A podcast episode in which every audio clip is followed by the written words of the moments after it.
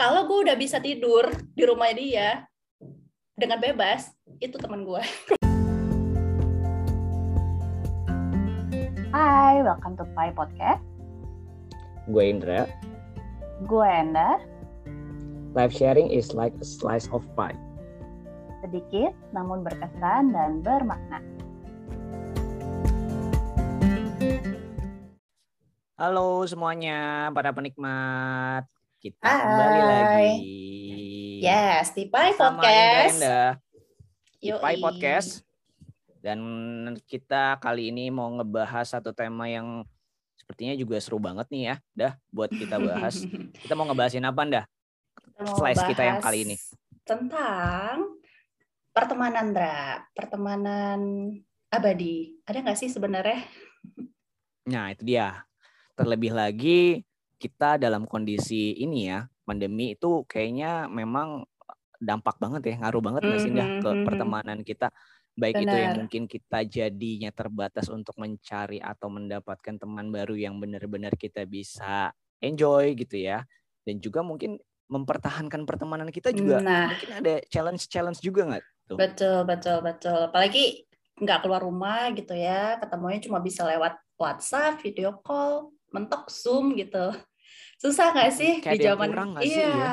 itu dia Andra kayak ada yang kurang bener benar benar benar nah kita mau mulai dari mana Indra bahasnya Indra Nah, jadi ya coba deh, dah mungkin mulai dari lu dulu. Lu ngelihat em, dulu gitu ya, Mm-mm. pas zaman-zaman kita remaja sampai dengan sekarang ini kayak apa sih pertemanan itu? Maksudnya apakah memang bisa bertahan dan apa Mhm. yang bisa lu bilang oh dia ini bener nih teman gue atau bisa Mhm. jadi kayaknya enggak deh gitu. Mungkin karena memang kita eh, cukup bisa cerita dari remaja sampai dengan saat ini, jadi mungkin agak agak sedikit flashback flashback sedikit kali ya, Anda, ya, nggak apa ya. Iya, ya nggak apa-apa dong. Justru kan kita pengen berbagi dari sudut pandang kita seperti apa. Oke, kalau gua ya, gua gua tuh eh gue ceritain dulu kali ya eh, background gue. Gue tuh suka pindah-pindah Ndra, dari kecil gitu. Jadi Mm-mm. gua TK di mana di kota A gitu ya, terus tiba-tiba SD di kota B gitu. Jadi pindah-pindah gitu. Nah dulu gue itu SD di Surabaya kan. Gue punya nih temen teman main lah ya waktu SD. Tapi kelas 6 pertengahan tuh gue pindah ke Jakarta. Masuk ke sekolah, ya lu tahu lah ya kalau pindah sekolah itu pasti adaptasi susah lagi segala macam. Jadi eh, mencari teman buat gue di saat-saat itu tuh susah gitu di masa SD. Terus masuk ke SMP, oh ya untungnya gitu ya, gue bisa punya kalau cewek-cewek kan mainnya geng ya Andra ya, gue nggak tahu sih cowok main geng juga apa enggak. Tapi cewek-cewek itu kebiasaan ngegeng. SMP gue punya geng yang gue bisa bilang cukup solid lah ya, cukup solid di masa itu. Nah, em, sampai nginep-nginepan gitu. Kalau cewek tuh gue biasanya nginep di rumah teman gue pas weekend. Terus kayak ada, tau lah ya geng-geng cewek tuh ngomongin teman sendiri bahkan yang ada di dalam geng itu tuh kita omongin gitu kan. Aduh aneh banget ya pokoknya. Nah tapi pas ketika SMA gue pindah sekolah lagi Ndra. Gue pindah sekolah lagi temen SMP gue eh, nggak ada tuh yang masih kontak sampai sekarang gue nggak punya teman yang masih kontak. SMA gue pindah, eh, nah gue kesulitan sebenarnya ketika SMA ini karena gue sekolah di sekolah negeri yang sebenarnya banyak banget gitu ya siswanya dan mungkin mereka dari latar belakang yang juga sekolah negeri gua kan dari TK swasta terus ya gua harus adjust lagi dan itu struggle lagi buat gue gitu nah tapi kalau mau di, di- tadi balik ke pertanyaan lo Yandra ya em, temen itu buat gue dulu tuh apa sih gitu? Gue tuh pernah mikir gini tau gak sih? Temen itu kayak lu tuh harus ada buat gue kalau gue tuh lagi sedih atau gue lagi susah. Egois banget gak sih? Gue tuh bilang gitu ya kalau temen itu temen yang benar gitu ya maksudnya akan selalu ada ketika lo tuh lagi dalam kondisi apa pun lah ya mau senang mau sedih mau susah gitu. Nah tapi setelah bergeser gue semakin eh, dewasa gitu ya gue mengubah definisi itu sih. Maksud gue ya orang lain nggak harus selalu ada buat gue gitu. Emang lu siapa segitu pentingnya gitu ya sampai lu menuntut orang lain tuh harus selalu ada buat lu gitu. Akhirnya ya gue eh, apa ya bisa mengatakan bahwa temen itu buat gue ketika ya gue bisa jadi diri gue sendiri apa adanya. Tanpa gue harus menutupi apa pun gitu. Kayak Oke. misalnya gitu ya kalau lu tanya sekarang teman gue paling yang bener-bener teman ya cuma satu dua tiga orang Dra, paling gitu. Sebanyak itu. Enggak banyak sih ya itu maksudnya sesedikit itu gitu. Nah eh kenapa gitu ya mungkin karena semakin dewasa ya circle pertemanan makin berkurang gitu ya. Gue bisa bilang orang yang benar-benar teman gue itu kayak misalnya gue datang ke rumah dia nih. Eh kayak misalnya gitu tahun lalu lah gue main ke rumah salah satu teman dia udah punya anak gitu ya. Terus kayak dia butuh me time dia butuh tidur siang ya udah dia tidur gue main sama anak ya. gitu gitu Boleh nggak gitu. kapan-kapan main ke rumah ke rumah gua? Boleh nggak? Gimana ndak? Lu ke rumah gua, terus gua Jadi- nanti sama istri gua tidur gitu. Terus lu nemenin gue anak gua gimana? nemenin anak ya Ndra gue ngajak main gitu tapi gue suka sih maksudnya ya udah gitu maksudnya nggak Ya, perlu ya, ya, nggak perlu ya. lu berpura-pura lu tuh harus selalu ada gitu ya harus kalau ketemuan tuh harus ngobrol A B C D E F G tapi sebelum pandemi pun gitu ya waktu masa-masa remaja eh kayak gitu juga Ndra gitu. Jadi misalnya gue datang Hmm. ke rumah A gitu ya temen gue kalau gue udah bisa tidur di rumah dia dengan bebas itu teman gue tapi itu teman gue ngerti gak sih kadang ya orangnya nggak ada di rumah gue bisa masuk rumahnya dia Andra karena udah kenal orang tuanya segala macam terus gue bisa tidur aja gitu di kamarnya dia. Nggak ada orangnya. Sekarang lu Orang- ditinggal tidur. Kalau dulu lu tidur di rumah orang, sekarang lu ditinggal tidur. Makanya jangan suka tidur di rumah orang. iya kan? Ya ampun. Eh tapi lu pernah mikir gini gak sih Andra ada gak sih teman lu yang bener-bener dari TK sampai sekarang tuh main? Ada. Ada ya? Nata. sebut lagi Nah, namanya kalau nggak apa-apa, gue Iya, sebut iya, aja iya, nanti iya, siapa tuh dia denger. Nah, kalau gue boleh cerita, nah tapi sebelum gue denger cerita lu, Mm. gue jadi ada intermezzo sedikit ya. Mudah-mudahan, mudah-mudahan ini teman-teman juga jadi terhibur. Ada dua yang kepikiran dari Eh, apa yang lu cerita. apa-apa. Mm-mm. Kita pasti pernah denger ya, that's what friends are for, yes betul ya kan? Mm-mm. Friends are for, berarti ada tujuannya dong, ada gunanya kan? eh menurut Iya definisi kan? itu iya. Oke. Ya kan menurut definisi itu. Kalau begitu, kalau misalnya nggak ada for-nya, nggak ada gunanya, berarti nggak ada berarti bukan teman. Seperti yang lo bilang itu tadi bilang eh ya kalau misalnya gue menganggap orang lain teman karena misalnya dia gimana, dia ada gunanya Hmm. atau dia Hmm. berbenefit lah sama gue gitu lah. Kalau misalnya nggak ada benefit, buat apa gue jadi teman, jadiin teman. Nah, sinkron gak sih dengan dengan dengan istilah itu? Gue jadi kepikiran itu aja sih tadi pas lo ngomong gitu. Nah, menurut lu sendiri, apakah pertemanan itu selalu pasti bene- Nah, benefit ini kan tergantung masing-masing orang ya, Ndra ya. Benefit buat lu Hmm. kayak apa? Nah, ini gue gua akan tahan dulu pertanyaan lo Oke, ini. Gue kan ceritain dulu teman-teman gue tuh kayak gimana dari dulu. oke. karena itu eh, karena itu perjalanan hidup gue juga sampai dengan sekarang sama kayak lo. Mm-mm. Kalau lo kan Mm-mm. pindah-pindah kan. Nah kalau gue dulu temanya adalah kalau di SD gue itu termasuk orang yang populer. Gue sempat Yeah. cerita di slide-slide sebelumnya. Gue orang yang populer. Jadi terkait dengan teman itu banyak. Bukan gue yang mencari teman, tapi teman-teman Hmm. lah yang mendekati gue karena gue anaknya populer. Mhm. Oke. Nah jadi teman itu banyak. Dan gue gampang mendapat teman dekat. Oke. Kalau dulu lo itu ngegeng, kalau eh, kalau sekarang kalau pas zaman gue SD, pas zaman gue SD sama kayak zaman lo SD orang kita seumuran ya.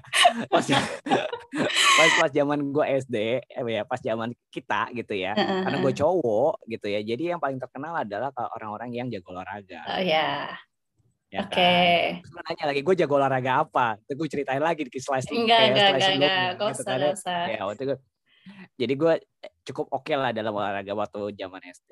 Mm-mm. Nah, kemudian pas zaman SMP, gue juga sempat share gitu, itu sangat 180 derajat di mana gue sangat mengalami perubahan yang sangat signifikan dari orang yang sangat populer menjadi orang yang dibully gitu. Mm. Nah, sangat berubah juga dengan dengan uh, lingkungan pertemanan gue.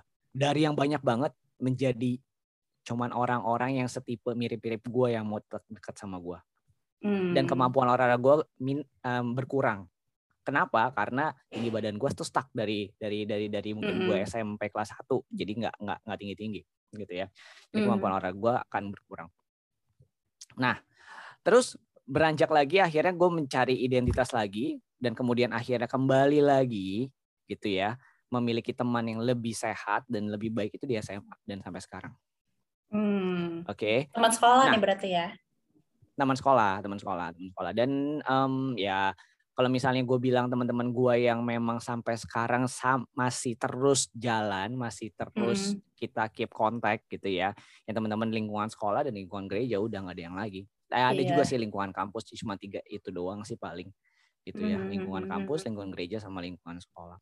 Nah, balik ke pertanyaan lo gitu ya. Definisi teman itu buat gue itu seperti apa? Mm-mm. gitu.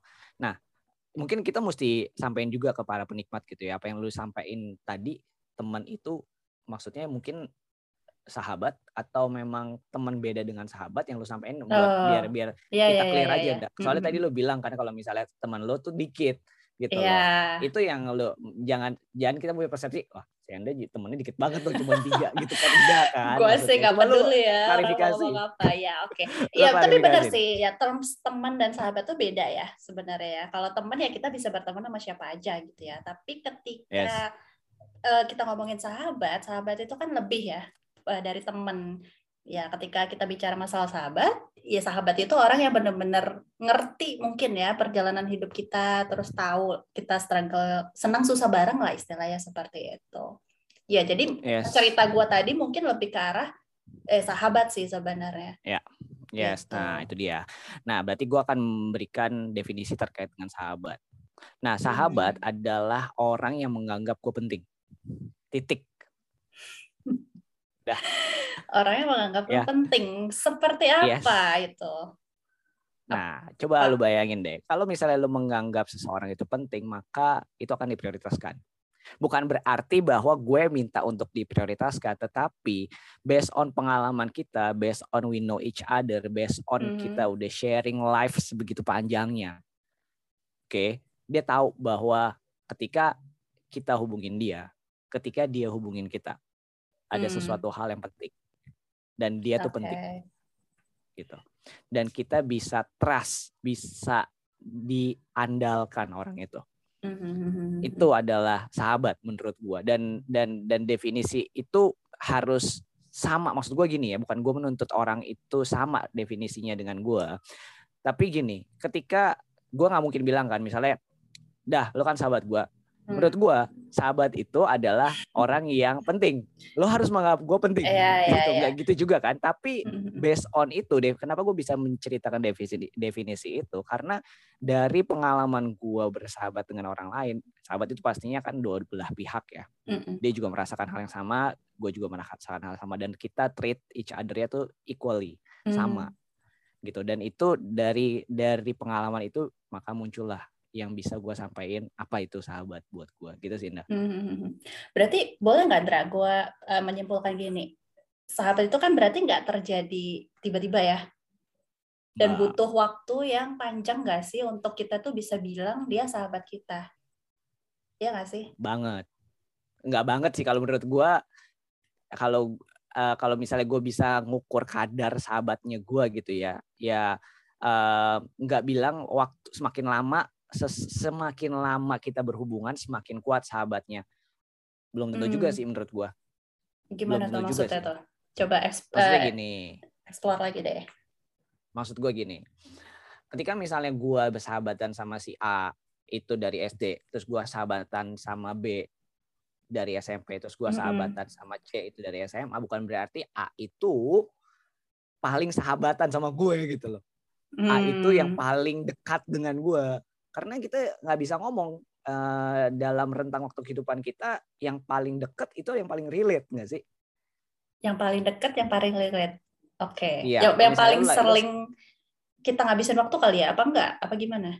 ya itu bisa jadi bisa jadi Oke. juga karena memang misalnya contoh kayak lu, lu punya sahabatan misalnya dari SD atau dari SMP tadi lu bilang enggak mungkin dari oke okay, SMA sama uh, dunia kerja deh ngomong deh mm-hmm. SMA sama dunia kerja ya dunia kerja saat ini lu sahabatan lu sering menghabiskan waktu bareng lu sering relate komunikasi hal yang ada kesamaan sedangkan mm-hmm. yang di SMA kan udah beda kehidupan bukan berarti lu nggak sahabatan sama dia tapi bisa jadi kadarnya kan lebih betul betul betul betul tapi gue gua gua setuju sama yang lo bilang tadi Indra masalah prioritas Indra hmm. setiap fase gitu ya gue merasa uh, bisa atau bukan bisa sih. Mungkin aja kita punya teman yang berbeda nggak sih? SD beda SMP beda SMA beda kuliah beda kerja beda gitu kan? Dan iya. dan balik lagi gitu ya ketika kita bilang kalau temen kadang kan kita gitu ya menuntut orang lain tuh gue nggak tahu sih. Gue dulu kayak gitu sih Indra maksudnya SMP SMA tuh gue menuntut orang lain tuh harus selalu ada buat gue gitu. Hmm.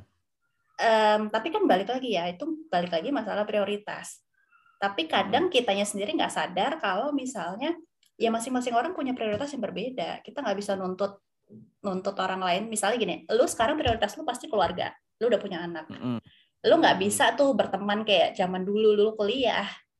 Pasti beda dong, geser dong prioritasnya. Nah, yes. itu kan yang harus harus di mungkin ya kita harus masing-masing paham ya. Setiap fase hidup itu ya prioritasnya beda-beda. Gitu nggak sih? Nah, ini relate banget sama apa yang sebenarnya gue pengen sharingin juga. Makanya itu karena ada prioritas kita semakin lama semakin beda dan kita semakin memiliki kehidupan kita masing-masing, maka maka inner circle kita semakin lama semakin kecil. Hmm, karena yeah. banyak sekali filternya gitu. Let's say lah kayak kita, kita aja hmm. dah. Gue okay. pengen bilang, gue gue sempat sharing uh, di luar podcast ini kan gue sempat sharing ke lo bahwa sejak gue punya anak gue hmm. itu jadi sangat lama lebih lama bukan sangat lama sih nggak bisa dibilang sangat tapi jauh banget ngeres lebih lama ngerespon WA dibandingkan gue yang dulu.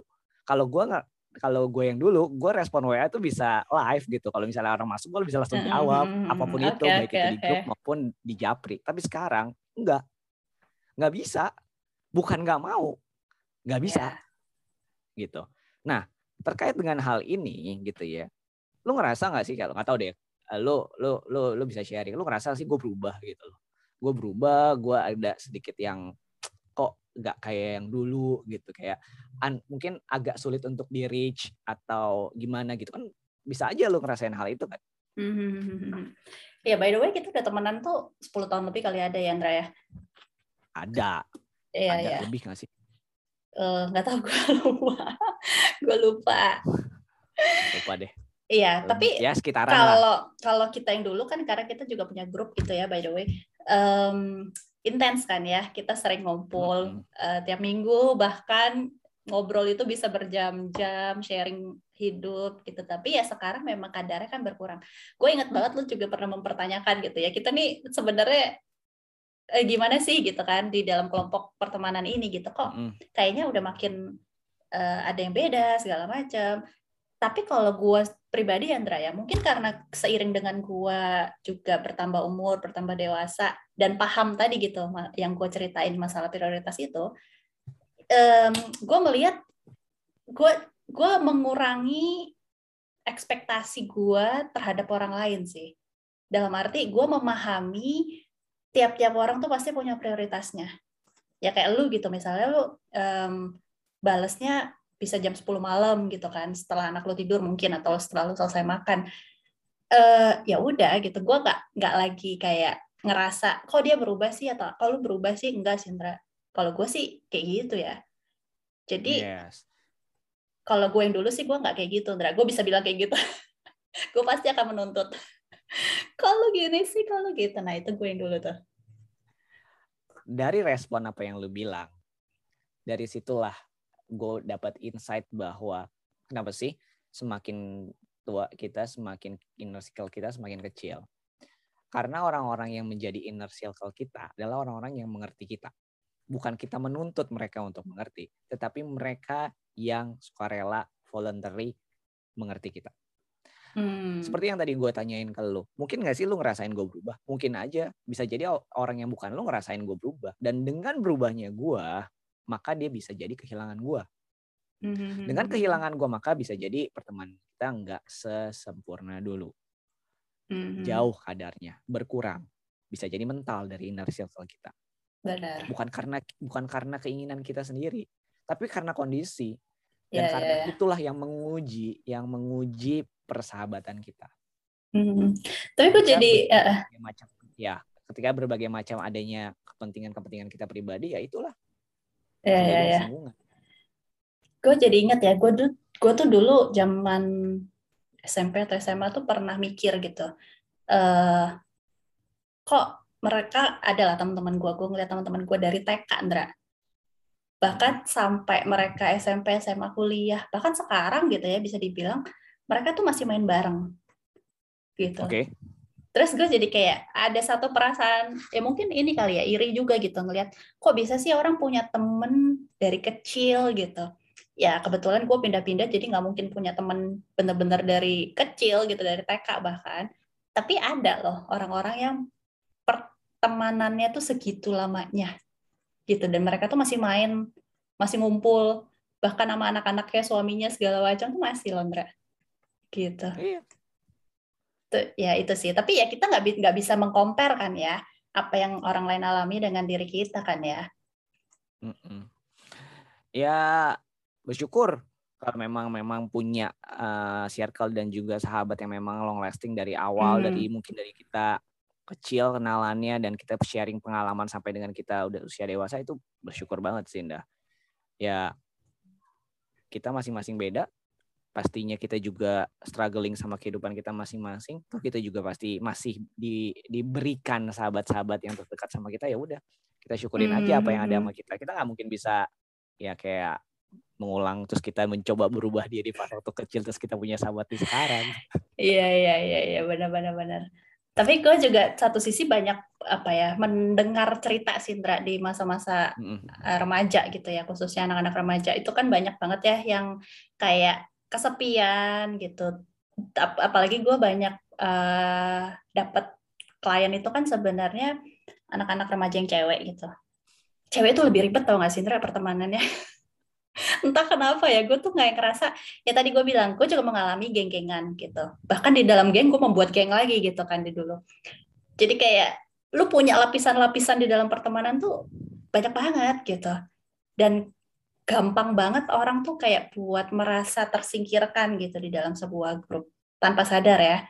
Dan itu di sekolah itu tempat yang menurut gue paling eh wow banget lah buat hal-hal yang seperti itu gitu. Sampai kayak lu gitu ya misalnya sampai lu dibully segala macem ya nggak kebayang aja sih gimana ya orang-orang ini bisa survive gitu di di masa-masa sekolah.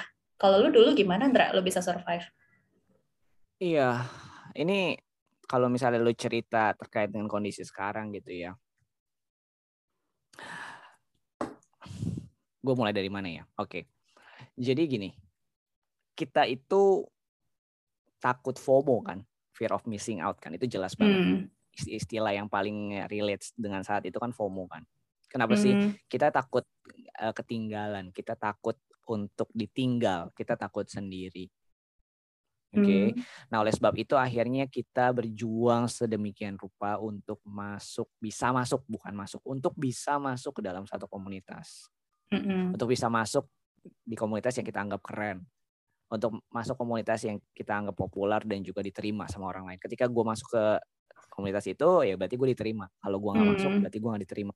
Padahal kenyataannya adalah ketika kita masuk ke dalam komunitas itu, kita nggak jadi diri kita sendiri. Ya oke kita dikenal, tapi kita nggak enjoy. Kita nggak Nah. jadi diri kita sendiri. hmm, Itu dia hmm, yang akhirnya akhirnya um, sometimes kita jadi stres sendiri sebenarnya untuk bisa survive di dalam komunitas itu. hmm, hmm, hmm, Itu yang sangat ironis sebenarnya. Dan kalau misalnya lu tanya dulu gua gimana, fase di mana gua di posisi gua dibully, itu fase di mana gue harus keep up untuk bisa dapat komunitas dan survive di komunitas itu. Kalau dulu di SD my role karena gue yang populer Iya. ya Nah, kan lo harus iya. ikutin gua gitu nah tapi kalau di yang dia yang dibully gua nggak bisa orang orang orang nggak banyak yang mau deket sama gua orang gua dibilang aneh Hmm, hmm, hmm. Nah oleh karena itu gue gimana caranya? Ya gue uh, struggling terkait dengan friendship itu sendiri.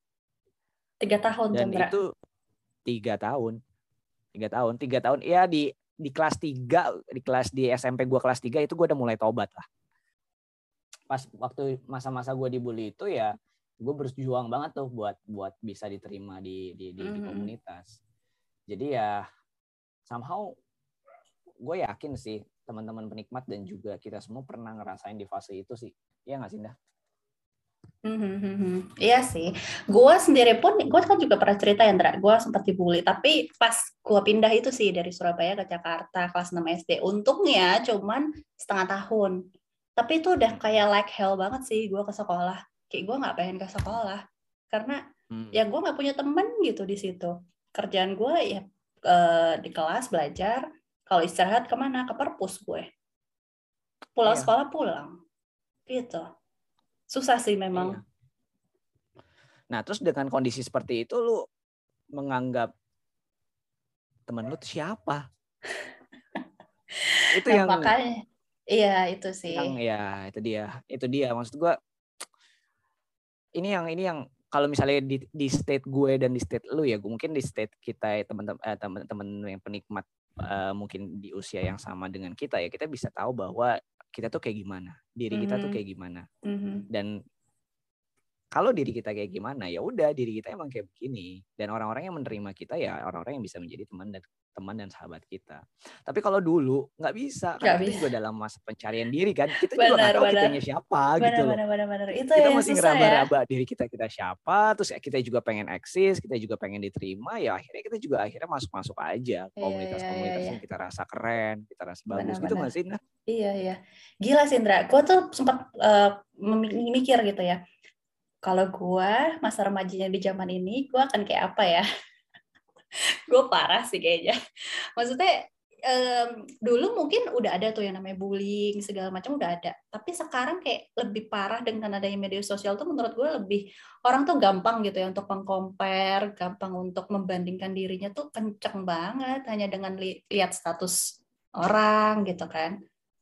Gitu sih. Gak kebayang sih gue. bener karena memang tantangannya ju- jujur aja. Gue juga akui bahwa kondisi sekarang ini tantangannya jauh lebih besar. Jauh banget lebih besar. Dan kita ki- selain tantangan di dalam diri dan juga tantangan eksternalnya juga jauh lebih besar. Dah maksudnya apa? Toh juga sebenarnya kalau misalnya kita nggak nggak nggak nggak nggak nggak gitu nyaman untuk menjalin persahabatan di dunia real kita bisa dapat persahabatan di dunia maya gitu loh. Dan itu juga Hmm, jadinya kan jadi jadi bebas banget. Dan Benar juga. tersendiri sebenarnya gitu kalau Benar kita kan dulu juga. kan ya sahabat dan temannya di dunia real Mm, aja mm, mm, mm, dunia benar, maya benar, benar. kagak ada dunia maya Bener gitu. juga. Friendster, Ndra. iya dulu Eh, Friendster gua- gua testimoni itu sangat penting Eh. banget Enggak tahu, ini tahu MIRC. Lu main gak sih dulu? main ASL PLS JKTM 15 JKTL eh, L, F Eh, tapi ya, gue dulu zaman SMP gue main itu gue ketemu loh em, anak sekolah lain. Maksudnya gue berteman dengan anak sekolah lain dari situ. Gila gak sih? Gak gila sih, tapi nggak ber- udah nggak tahu sih sekarang ke mana. tapi maksud gue kayak segitu susahnya kah gitu ya cari tempat di dunia nyata sekarang gitu sampai orang-orang tuh craving gitu koneksi itu gitu. Iya. Iya, karena ya pertama mungkin ya mungkin kita nggak gitu nyaman dengan kondisi kita sendiri gitu ya. Jadi terkait dengan dunia maya kan kita bisa bisa menjadi siapa pun yang yang kita mau gitu loh. Jadi orang-orang juga Mhm. bisa lebih menerima kita tanpa harus uh, menjudge kita apa-apa. Ya bisa jadi itu yang membuat kita juga lebih nyaman dalam berinteraksi dalam dunia maya. Ya kita nggak nggak memungkiri bahwa itu juga terjadi sih. Itu ada kebutuhan-kebutuhan yang memang akhirnya bisa terpenuhi toh juga kita juga nggak nggak menutup kemungkinan kita juga nggak negatif thinking banget bahwa eh, relasi dunia maya itu nggak selamanya negatif kok gitu loh nggak masalah Hmm. juga tapi at least ya kita tahu lah boundariesnya gitu Hmm, Ya, ya, ya, ya, ya. Jadi menurut lo pertemanan abadi itu ada nggak, Ndra? Balik lagi ke pertanyaan itu. pertemanan abadi Em, ada ada Ada. menurut gua ada jadi menurut gua kenapa ada karena selama kedua belah pihak itu struggle uh, berjuang bersama untuk pertemanan itu, maka pertemanan itu akan abadi.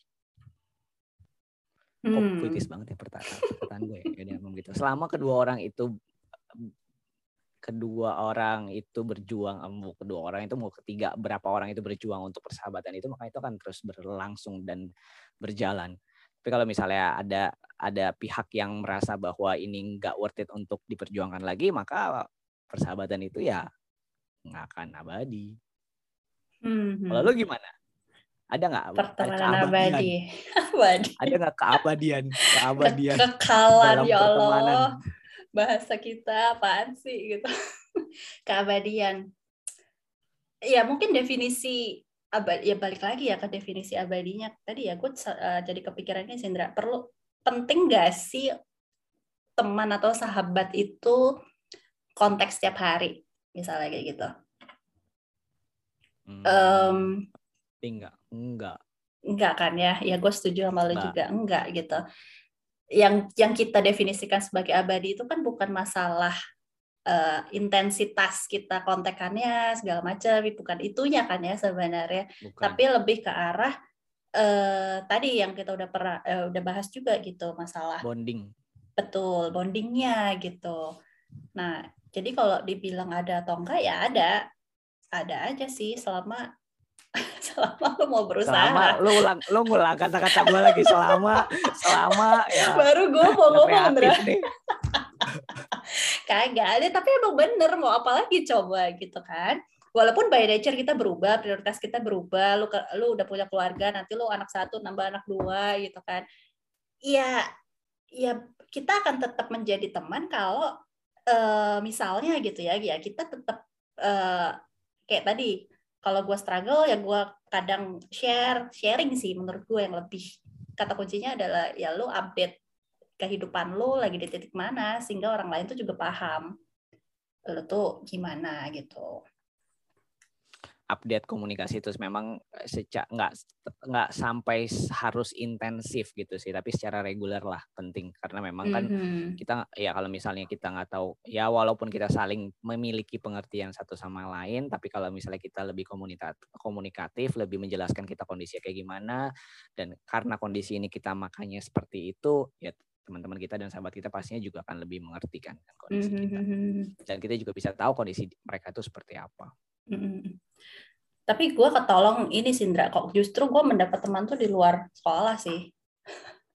gue nggak gue nggak punya teman sih di sekolah. Maksudnya eh, teman yang sampai sekarang ya itu nggak ada sih yang kontekan sama gue. Hmm.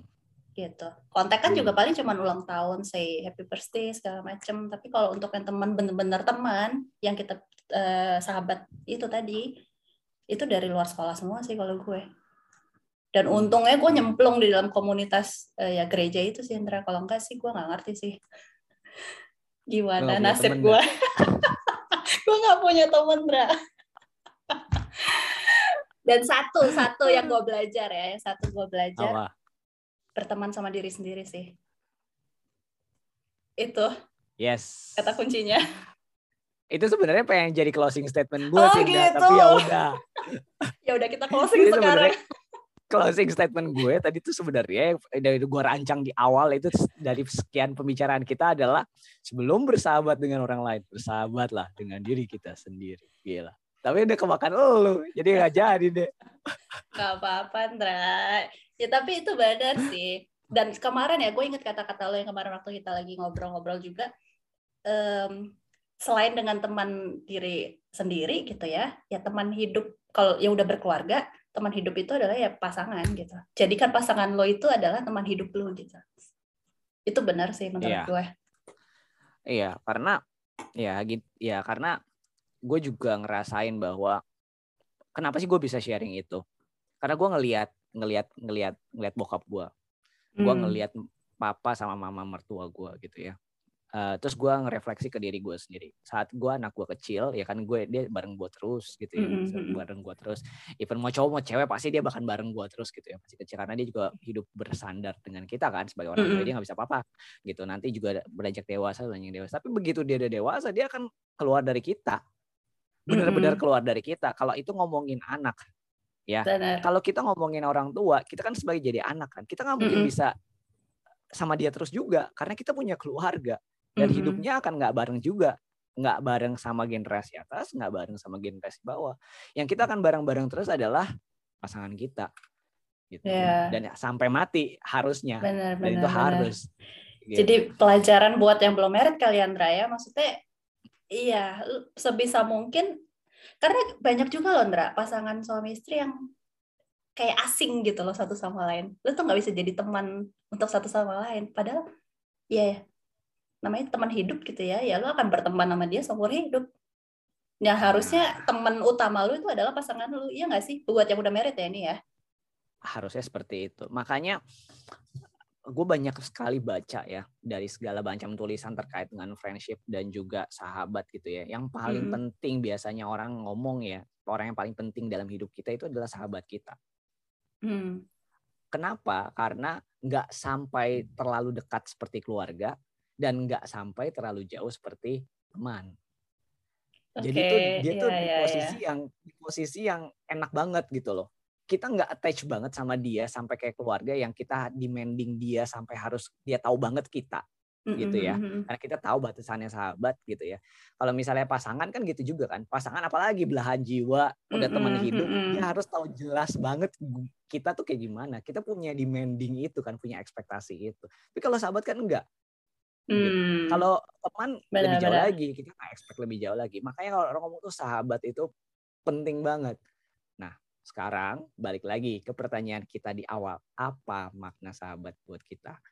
Apakah orang-orang yang terdekat kita kita kita bisa jadikan sahabat atau orang-orang yang memang kita anggap sahabat lah yang menjadi sahabat? Definisi sahabat itu jadinya jadi luas nih Mhm. sekarang kondisinya. Hmm, Iya, benar, benar, benar. Tapi ya itu pasti akan bisa dirasakan masing-masing orang lah ya, Andra ya. Lu pasti bisa ngerasain lah orang ini tuh sahabat kita atau bukan. Orang ini tuh bisa ngertiin kita atau enggak. Itu pasti sesuatu yang bisa dirasakan kan ya. dan yang paling penting yang bisa kita sense juga adalah kita tuh bisa jadi diri kita sendiri nggak pas lagi sama orang itu Mhm. Betul, betul, betul, betul.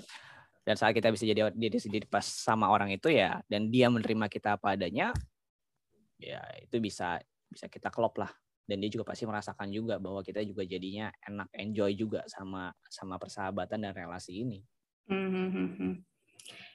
Oke, kita sudahi saja pembicaraan kita hari ini. Closing statement Indra tadi udah disebutin. Lo mau closing statement yang lain nggak, Indra? ada udah nggak ada udah lo aja lo jangan ngikutin lagi ntar dia bilang ya jadi closing statement kita hari ini sama lo lama-lamain doang nanti Kocak lu.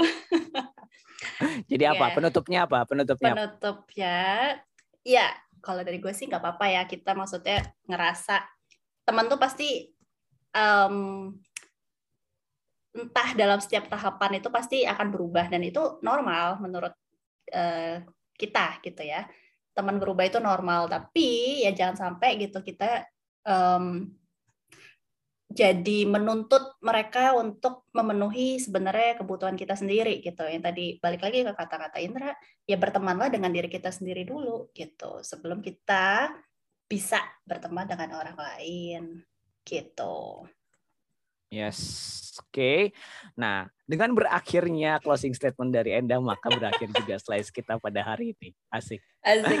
Nah, jadi eh, kita mau ingetin lagi nih para penikmat buat eh, teman-teman yang mau untuk sharing terkait dengan topik-topik yang ingin kita bahas atau mungkin sekedar curhat terkait dengan hal-hal yang sedang dialami, feel free aja untuk kontak ke kita di IG kita ada di mana Nda?